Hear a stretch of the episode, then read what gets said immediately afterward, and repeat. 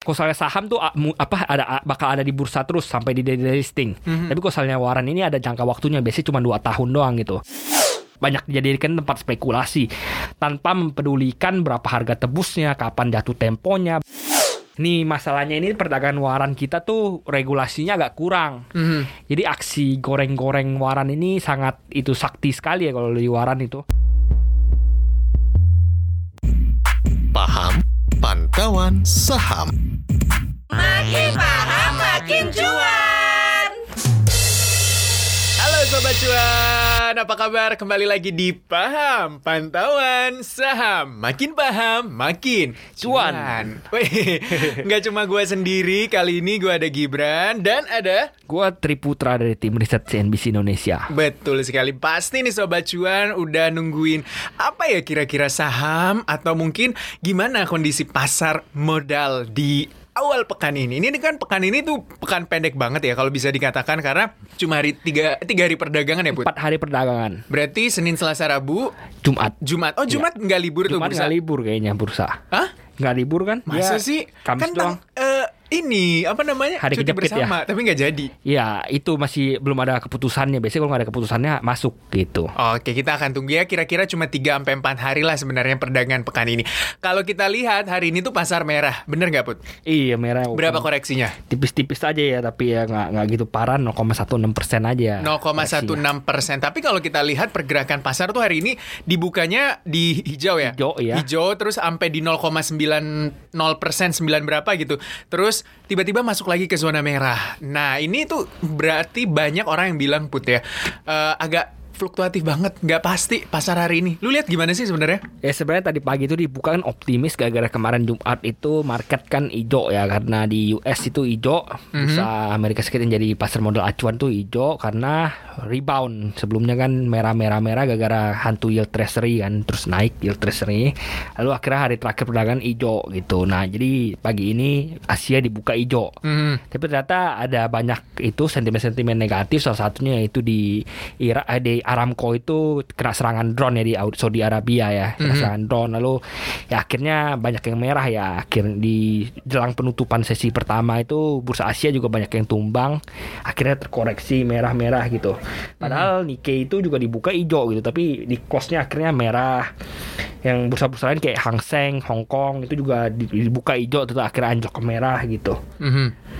Berarti pekan ini kalau lu lihat bakal merah eh, beberapa hari perdagangan atau mungkin ya ada ijo-ijonya juga. Ya kalau mau lihat dari IHSG sendiri sebenarnya masih konsolidasi di 6200-an ya. Sebenarnya tuh cukup beruntung kita karena kita tahu bursa Asia ini dropnya parah semua. Hmm. Hang Seng 1%, Shanghai 1%, tapi kita cuman tipis-tipis saja gitu. Jadi sebenarnya masih kuat bertahan di area 6200. Jadi untuk pekan ini kemungkinan masih konsolidasi di 6200 karena kita tahu pekan ini kan sentimen yang akan mendominasi yaitu masalah ini stimulus paket stimulus AS itu gimana gitu. Hmm. Katanya udah udah udah sudah hampir hampir tahap akhir lah sudah, sudah mulai voting sudah Akhirnya ketok selesai. palu tuh. iya jadi tinggal nunggu ketok palu terus pencairannya aja gitu jadi Mhm. misalnya udah bener-bener fix kayak gitu ada potensi naik ke 63 gitu tapi 63. rasanya masih konsolidasi dulu sambil nunggu bursa Amerika nanti gimana gitu. Tapi yang dilihat juga atau mungkin diwaspadai juga sebenarnya kan kalau stimulus Amerika udah diketok palu, Senat juga udah setuju nih sebenarnya. Tadi Hmm. pagi gua lihat informasinya setuju nih 1,9 triliun US dollar. Berarti bisa dikatakan dolar akan membanjiri pasar gitu kan. Hmm. Jadi ini menguntungkan nggak bagi pasar eh, saham? Ya sebenarnya menguntungkan bagi pasar saham lokal ya karena ketika ini jumlah dolar beredar meningkat, jadi aset-aset ini diperdagangkan dengan dolar tuh menjadi kurang menarik gitu. Jadi contohnya bursa saham Amerika jadi kurang menarik gitu. Hmm. Lalu yang berkebalikan dengan dolar seperti misalnya emas jadi menarik, emas jadi bisa naik gitu karena dia lawannya dolar gitu. Nah jadi ketika ini bursa saham Amerika nggak menarik, mereka biasanya investor luar kaburkan dananya ke bursa-bursa emerging market. Salah satunya pasti yang paling menarik ke Indonesia emerging market gitu. Sangat menarik sebenarnya. Tapi kalau kita lihat nih pekan lalu, itu tuh banyak banget sobat cuan yang mungkin salah satunya dari yang mendengarkan podcast ini yang cuan dari saham-saham bank-bank mini. Tapi akhirnya disuspend tuh rata-rata. Banyak juga yang nggak tahu sebenarnya kalau disuspend itu bisa sampai satu bulan. Bener nggak Put? Ya ini tergantung suspensinya ya. Biasanya itu ada tiga jenis, biasanya tiga kali suspensi bursa. Suspensi pertama itu peringatan kayak peringatan awal doang cuma satu hari gitu. Satu Jadi hari. misalnya udah terbang-terbang arah dua tiga kali, Hmm. dia akan disuspensi satu hari. Hmm. Lalu ketika besoknya arah lagi itu makanya akan kena suspensi kedua. Itu berapa lama tuh? Itu biasanya satu minggu gitu. Jadi Oke. ketika sahamnya udah selesai suspensi, suspensi pertama langsung arah lagi, itu biasanya langsung suspensi kedua. Gitu, Suspensi minggu. kedua Sem- seminggu ya. Ya, lalu setelah ini seminggu dibuka, dia ada dikasih kesempatan arah dua atau tiga kali lagi. Kalau dia sampai arah dua tiga kali lagi, itu biasanya disuspensi ketiga sampai Selama? satu bulan. Satu Bisa bulan. sampai satu bulan. Iya. Nah ada kan saham yang disuspensi satu ya bulan? banyak gitu dulu waktu kejadian Arto itu Bang A- dulu namanya masih Bang Artos ya ketika di ini dikabarkan ingin dicaplok sama PT Waluyo itu. Mhm. Nah, itu terbangnya sampai berkali-kali akhirnya disuspensi sampai satu bulan gitu. Oke. Nah, ini kalau bank-bank mini kita tuh banyak yang udah suspensi kedua.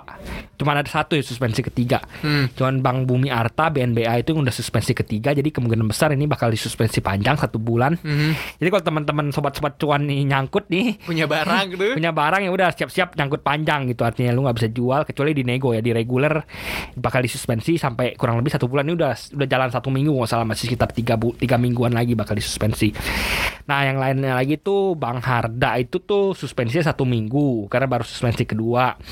Lalu kayak INPC BKSW itu semua juga rata-rata suspensi baru suspensi kedua. Jadi satu minggu satu minggu semuanya gitu. Jadi memang harus jeli gitu ya Put ya Melihat pergerakan saham yang arah-arah-arah-arah tiap hari. Iya, jadi kalau selalu nggak mau uang lu nyangkut lama gitu, ya udah ketika dia udah suspensi kedua, suspensi pertama dia arah lagi, lu nggak mau nyangkut satu minggu lu, ketika dia arah lu jual aja gitu.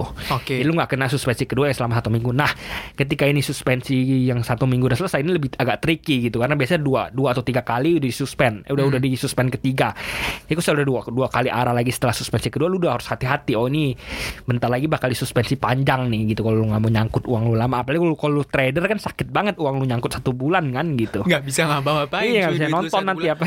Artinya kayak duit lu tidur satu iya, bulan nggak bisa lu walaupun sahamnya nggak gerak ya, tapi kan bisa di harusnya kan bisa ditaruh di tempat lain gitu. Jadi Hmm. ya lebih hati-hati misalnya ingin main saham yang arah-arah mulu gitu, ada potensi apa kerugian bukan dari capital loss tapi ya karena uang lu nganggur di nyangkut di saham gitu. Berarti memang eh, kalau sobat cuan udah merasa cukup cuannya 35% misalnya ya kan bank-bank Hmm. Iya. mini tuh 34 Dua- 25 35 tergantung rentang harganya. Iya, misalnya 35 kan. Udah 35 dua hari berturut-turut, keluarlah gitu kan.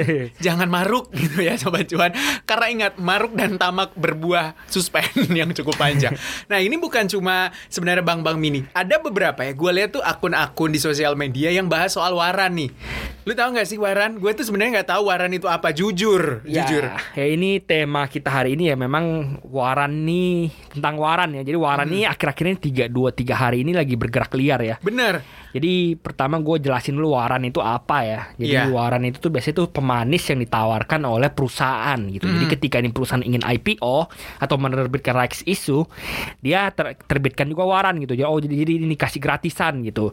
Oh kalau lu beli 10 saham gue, gue kasih 5 waran gitu. 10 lot dapat misalnya dapat 5 waran. lima gitu. lot waran gitu atau misalnya dua banding satu satu banding satu terserah yang mau ngasihnya gitu Hmm. jadi waran itu adalah hak hak bagi seorang pemegang waran ini untuk membeli saham tersebut di harga tertentu di waktu tertentu Hmm. gitu jadi misalnya ada perusahaan A dia mau IPO kan supaya ini IPO-nya laku dia terbitin juga waran gitu jadi misalnya dia terbitin satu juta saham Mhm. dia terbitin 500 ribu waran gitu jadi misalnya setiap dua saham lu dapat satu waran gitu setiap dua saham dapat satu waran dua banding satu gitu Mhm. nah misalnya dia jual IPO di di IPO di harga 500 Mhm. nah di waran itu dia bilang oh ini lu pada tahun depan satu tahun lagi lu boleh beli saham gua di harga 500 Hmm. gitu atau di harga 1000 gitu. Jadi harga tebus warannya itu 1000 berarti gitu. Hmm.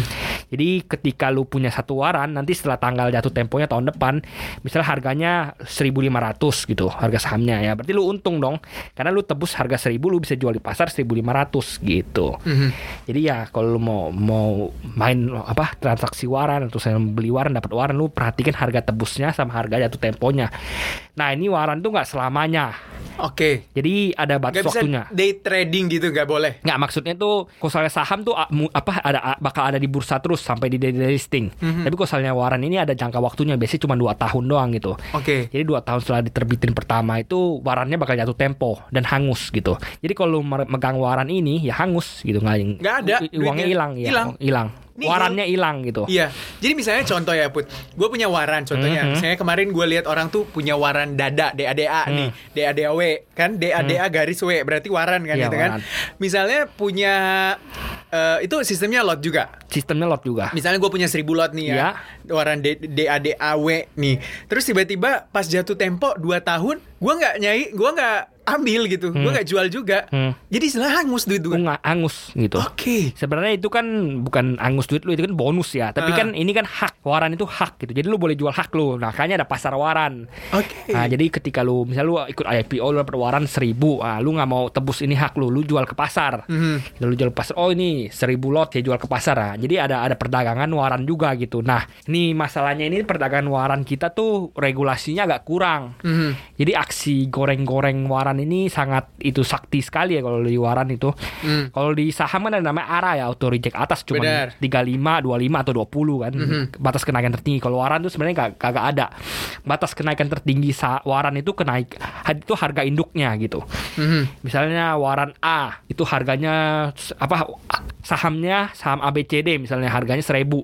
Hmm. Berarti warannya itu bisa naik sampai 999 gitu, 9991 di bawah. Apa atau misalnya 1000 kan berarti break harganya kan 10 kan itu apanya per- beda harganya kan berarti 9990 itu bedanya. Apa bisa naik sampai level segitu. Mhm. Jadi lu bayangin misalnya warannya tadinya di harga 1 dia terbang sampai 9990 tuh kenaikannya berapa puluh ribu persen gitu. Jadi liar banget warannya gitu. Jadi nggak ada yang nahan dia ARA atau ARB.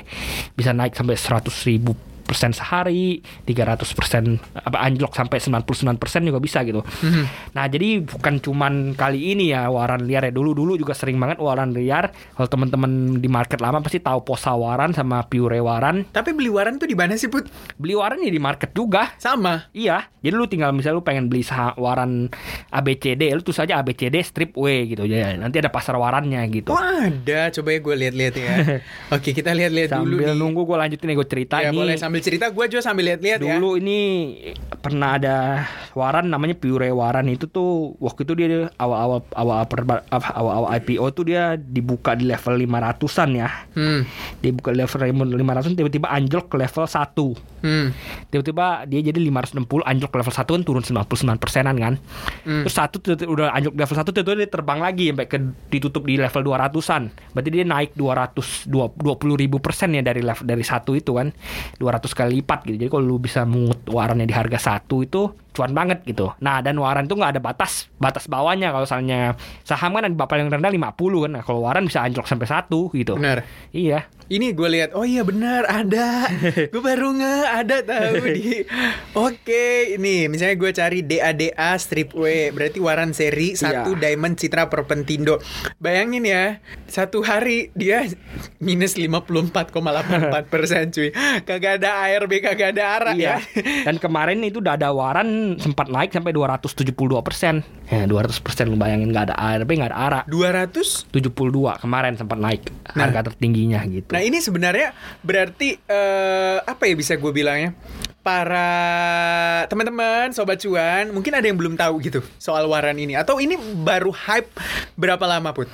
Ya sebenarnya dari dulu tuh aksi goreng waran tuh memang dari udah lama banget ya sampai jadi biasa sering banget jadi tempat judi karena waran harga satu, harga dua, harga tiga bisa bisa tiba-tiba diterbangin ke 10, 20, 30 30 lumayan uangnya lu naik 10 kali lipat, 4 kali lipat, 5 kali lipat kalau rugi ya rugi modal semua gitu. Jadi ba- banyak dijadikan tempat spekulasi tanpa mempedulikan berapa harga tebusnya, kapan jatuh temponya, bla bla bla apa segala.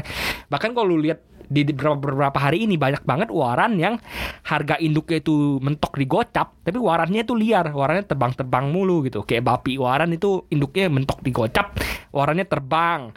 Lalu yang lain lagi mami waran juga induknya mentok di gocap warannya terbang dijadiin mainan judi-judian gitu. Aksi apa meja kasino gitu. Eh, Yang lainnya kabak waran juga induknya digocap, warannya terbang gitu. Jadi bener-bener spekulasi aja gitu. Padahal jatuh temponya udah deket, lalu misalnya harga tebusnya masih mahal gitu. Jadi ini satu lagi nih perlu diperhatikan contohnya ya. Kenapa apa tidak menarik wara. Misalnya contohnya induknya digocap. Lu beli warannya harganya 5 misalnya kan. Harga tebusnya aja 100 gitu. Jadi kalau lu udah beli apa lu udah beli warannya terus lu tebus 105 lu cuman harga induknya itu cuma 50 gitu jadi nggak masuk akal sebenarnya kalau lu beli ini waran gitu. Gimana di mana setelah lu tebus lu ru- malah rugi gitu. Mending kalau lu mau beli mau beli sahamnya lu beli langsung induknya gitu. Nah jadi ini biasanya jadiin tempat spekulasi aja gitu ya. Kadang-kadang ya bursa emang nggak masuk akal nih. Dari dulu ya emang dikatakan oleh regulator bakal diregulasi nih. Dikasih batas ARB dikasih batas ARA atau apa Tapi nggak ada sampai sampai sekarang sekarang. belum ada gitu. Oke, nah Put, ini yang gua mau nanya. Kalau misalnya niwaran ya, Hmm. Kan kalau kita tahu pasar saham itu cenderung ya lihat ada sentimen, baik global, domestik.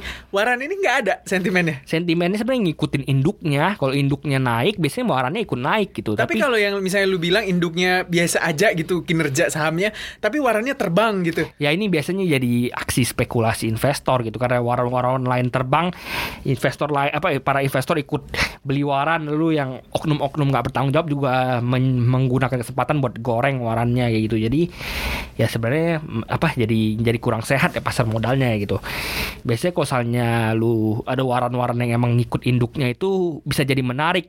Misal bisa lu bisa ambil untung kalau misalnya warannya nggak digoreng gitu. Misalnya contohnya ada saham harganya 200 kan. Dia punya waran harga tebusnya 100. Hmm. Tapi warannya sekarang di harga masih 75 gitu.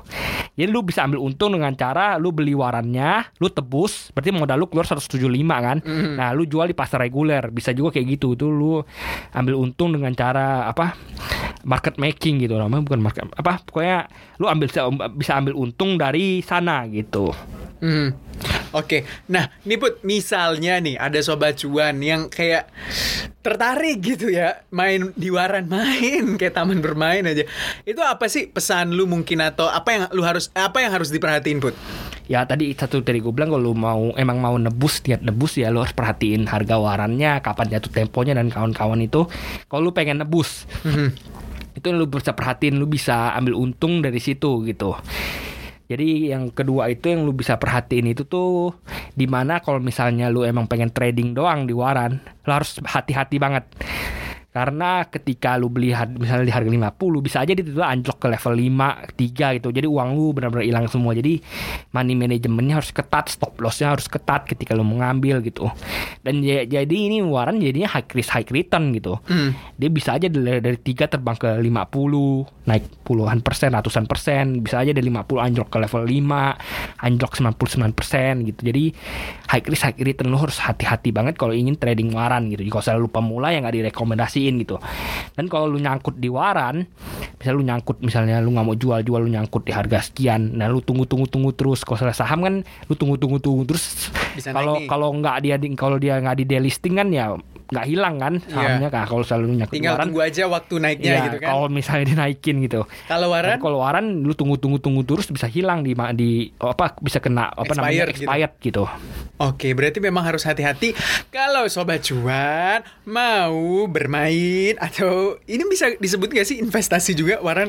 Ya sebenarnya bukan investasi lebih ke spekulasi. Kalau mau investasi kan lu tebus kan atau enggak lu beli sahamnya langsung kan gitu. Hmm, jadi hati-hati kalau mau berspekulasi, Iya, mau di berspekulasi pasar waran. Jadi ya contohnya tuh banyak banget waran yang jatuh temponya udah deket, harga tebusnya mahal, tapi malah terbang gitu. Kayak yellow waran itu Ya. hari ini juga terbang dan lu bisa lihat itu tebusnya kan mahal sekitar 500 ya sedangkan Padahal harga harga sahamnya sahamnya cuma 100. 100. Iya, harga tebusnya itu sampai 500 lebih kalau nggak salah ya 500 harga tebusnya. Dan bentar lagi jatuh tempo Hmm. gitu. Tanggal bulan 10 tahun ini udah mulai jatuh, udah jatuh tempo gitu. Masalahnya bisa nggak ini apa sahamnya ini terbang sampai ke atas 500 dalam 10 bulan ini gitu. Sedangkan lu lihat warannya aja diperdagangkan di harga 49 ya hari ini naik lagi setelah tadi sempat liar. Nah, Berarti kalau lu mau beli mau nebus berarti modal lu 549 kan? Benar. Jadi minimal kalau bisa untung dari- nebus itu yellow-nya harus terbang di atas 549 gitu. Buset. Jadi agak eh, tricky juga ya kalau misalnya sobat cuan eh, mau berspekulasi di pasar waran. Ya kalau contohnya ini kayak yellow-nya itu ini udah apa se- sebelum liar itu kan dia ditransaksikan di 5 ya, tapi setelah itu dia sempat terbang ke 100 108 nih mentoknya. Itu kan kenaikan 20 kali lipat ya lu modal 1 juta naik jadi cuan 20 juta gitu. Jadi apa high risk high return seperti tadi gua katakan tadi. Lebih high risk, lebih high return. Iya banget daripada lu main saham biasa doang gitu. Tapi transaksinya tetap mengikuti jam bursa juga. Transaksi tetap mengikuti jam bursa gitu. Jadi dibuka waktu pasar open, tutup waktu pasar tutup dan bisa di, di transaksi juga di pasar nego gitu. Tapi eh, high risk high return Iya. pakai banget dan yang paling penting adalah melihat expire-nya karena kalau udah expire udah gone aja Iya, duit lu. Hilang duit lu. Hilang. Iya. Bener-bener nggak ada. Sahamnya yang hilang bukan duitnya. Ah. Sahamnya apa warannya yang hilang. Warangnya warannya hilang. Jadi Iya. otomatis ya kita Iya, juga duitnya ya, hilang. duit yang kita taruh di waran situ juga hilang dong ya. Put, Hmm? kalau saham saham gede punya waran juga gak sih? Yang waran itu biasanya lebih ke saham-saham yang baru IPO saham-saham kecil tapi saham-saham gede juga ada warannya. Contohnya dulu tuh Medco tuh ada waran, Medco waran. Lalu BRPT itu juga ada waran. Kemarin sempat lihat tuh warannya BRPT ada waran juga gitu. Jadi nggak cuman saham-saham kecil yang ngasih waran, tapi biasanya yang ngasih waran itu saham-saham perusahaan kecil. Biar IPO-nya makin laris, supaya gampang dijual, makin laku. Jadi bi- biasanya mereka menawarkan waran gitu. Biasanya perusahaan-perusahaan gede itu jarang nawarin waran. Terus kayak kalau kayak bank-bank gede nggak ada warannya. Ya kalau bank-bank gede biasanya nggak ada warannya ya. Kayak apa hmm, bank-bank gede itu udah IPO lama kan. Kalau mereka mau rak isu juga eh, bakal diborong sama pasar. Jadi jarang banget bank-bank gede yang punya waran gitu. Oke, nah Biasanya bank-bank kecil gitu kayak bank MNC itu ada warannya apa ya berapa apa ya empat jenis atau lima jenis gitu. Nah jadi ini waran ini sekali seperti tadi gue bilang itu nggak cuman ketika IPO gitu. Jadi waran tuh bisa ada berapa jenis? Ada waran satu, waran dua, waran tiga, waran seri tiga, waran seri empat gitu. Jadi ketika misalnya ini perusahaan IPO dia nerbitin waran, lalu dia mau ngumpulin dana lagi dia rights issue.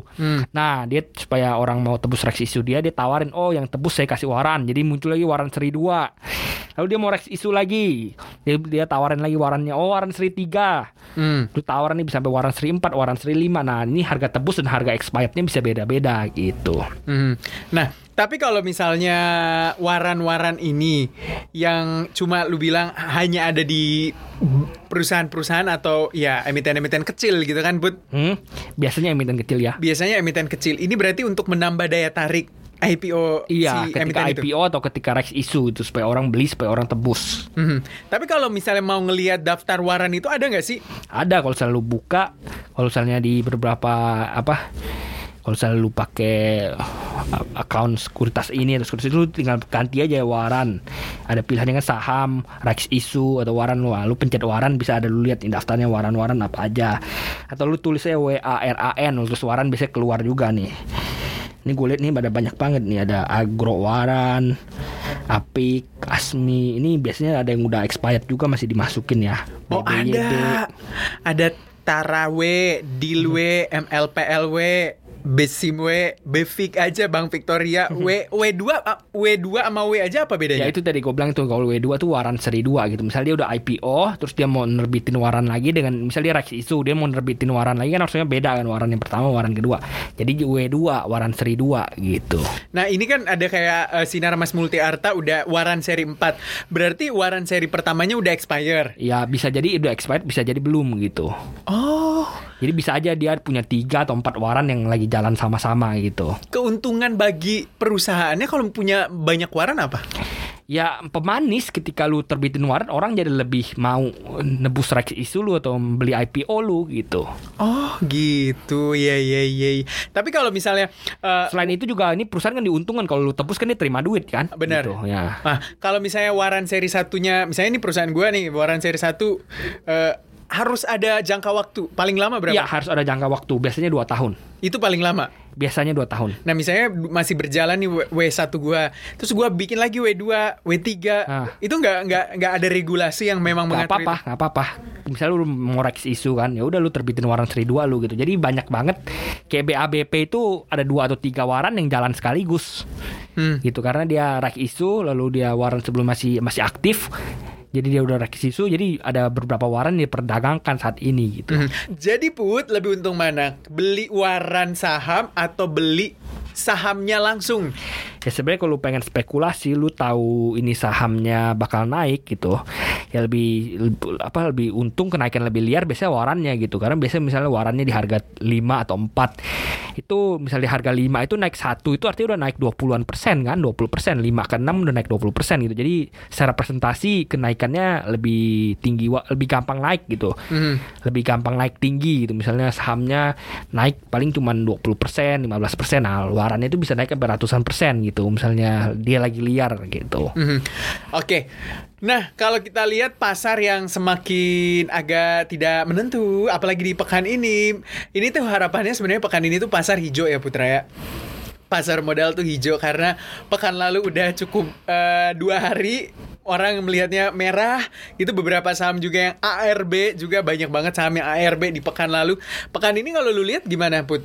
Ya sebenarnya itu pekan ini sebenarnya masih konsolidasi ya mas. Bakal bakal di arah 6200an ya karena KM masih belum ada berita yang bisa dorong IHSG tembus ke 6003 walaupun dia naik ke 6003 kayak tadi pagi lagi bakal balik ke 6002 lagi gitu. Jadi masih belum ada seperti masih belum ada tenaga balik ke 6003 atau 6004 gitu.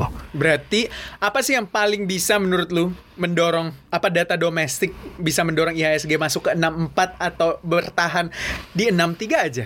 ya data domestik untuk minggu ini masih belum ada rilis yang yang besar ya gitu yang yang yang major major belum dirilis. Kalau misalnya yang dari luar negeri data data data yang bakal dirilis itu salah satunya GDP UK itu bakal rilis lalu ada juga inflasi di Cina dan inflasi di Amerika Serikat tapi masih belum terlalu major buat dorong market kita kayaknya gitu. Kalau sektor put, sektor yang pekan ini yang mungkin bisa jadi pilihan atau yang dipertimbangkan sobat cuan untuk yang mau investasi atau yang mau trading gitu, Putra. Ya kalau lu mau trading kayaknya waran-warannya masih bakal liar ya. Jadi kalau selalu memang nekat gitu tanda kutip nekat pengen trading itu menarik banget. Kalau misalnya lu memang apa nggak nggak nggak greedy misalnya naik berapa persen lu udah puas lu bisa ambil untung banyak di waran gitu karena lagi emang lagi digoreng gitu emang liar hampir semua waran terbang gitu Mhm. Tapi kalau misalnya mau masuk di saham aja gitu, Put. Lu- ini yang patut diperhatikan. kalau misalnya lu mau masuk saham-saham aja tuh yang menarik itu CPO ya karena harganya terbang lah seperti bisa kita lihat hari ini juga hari ini market merah ya tapi saham-saham CPO itu menghijau terbang rata-rata semua terbang BWPT sampai 6% SEMP sampai 4% ya ini salah satunya karena kenaikan saham-saham CPO karena kenaikan CPO-nya gitu jadi masih Betul. menarik diperhatikan Menarik diperhatikan untuk saham-saham perkebunan gitu ya. Ini hari ini saham-saham CPO itu naiknya cukup tinggi-tinggi. BWPT itu 6%, SIMP 4%, ALI juga 3%, terus juga LSIP 2,65%. Terakhir mungkin Put nih, sebelum kita pamit, hal yang harus disiapin buat sobat cuan yang mau berinvestasi eh bukan berinvestasi spekulasi deh gue bilangnya di pasar waran dan yang kalau mau berinvestasi di pasar saham juga. Ya kalau selalu pengen spekulasi di waran ha- yang selalu gua itu kan wanti-wanti ini ya lu pasang stop loss ketas ketat. Jangan sampai ketika warannya turun lu kagak berani jual lu takut jual karena anjlok parah. Jangan kayak gitu apalagi di waran ya. Karena kalau nyangkut panjang kemungkinan besar uang lu bisa hilang semua. Jadi ketika ini waran turun lu jangan ragu jangan takut buat cut loss. Mhm. gitu Nah, ingat itu ya pesannya sobat cuan, mau di waran atau mau di saham, itu sama-sama harus punya plan ya, Putih. Iya, apalagi buat bener. para Apalagi- trader ya. apalagi buat para trader di waran yang benar-benar liar banget marketnya harus punya plan Harus punya plan. Kalau udah cukup cuannya, keluarlah segera. Kalau belum atau mungkin udah eh, rugi berapa persen, harus ada ini juga ya, harus ada batasannya gitu ya, biar Iya. lu nggak nggak apa ya, nggak Nggak rugi-rugi amat. Nggak apa? nggak boncos Iya gak boncos-boncos amat bener Jadi itu dia Sobat Cuan Pembahasan kita di hari ini Di Paham Bener kan? Iya. Iya itu semoga Sobat Cuan nih makin tahu Makin paham dan juga makin cuan ya Kita mau pamit dulu Terima kasih sudah mendengar Paham di hari ini hari Senin 8 Maret 2021 Gibran Saya Triputra. Pamit ya Dadah Pamit. Dadah.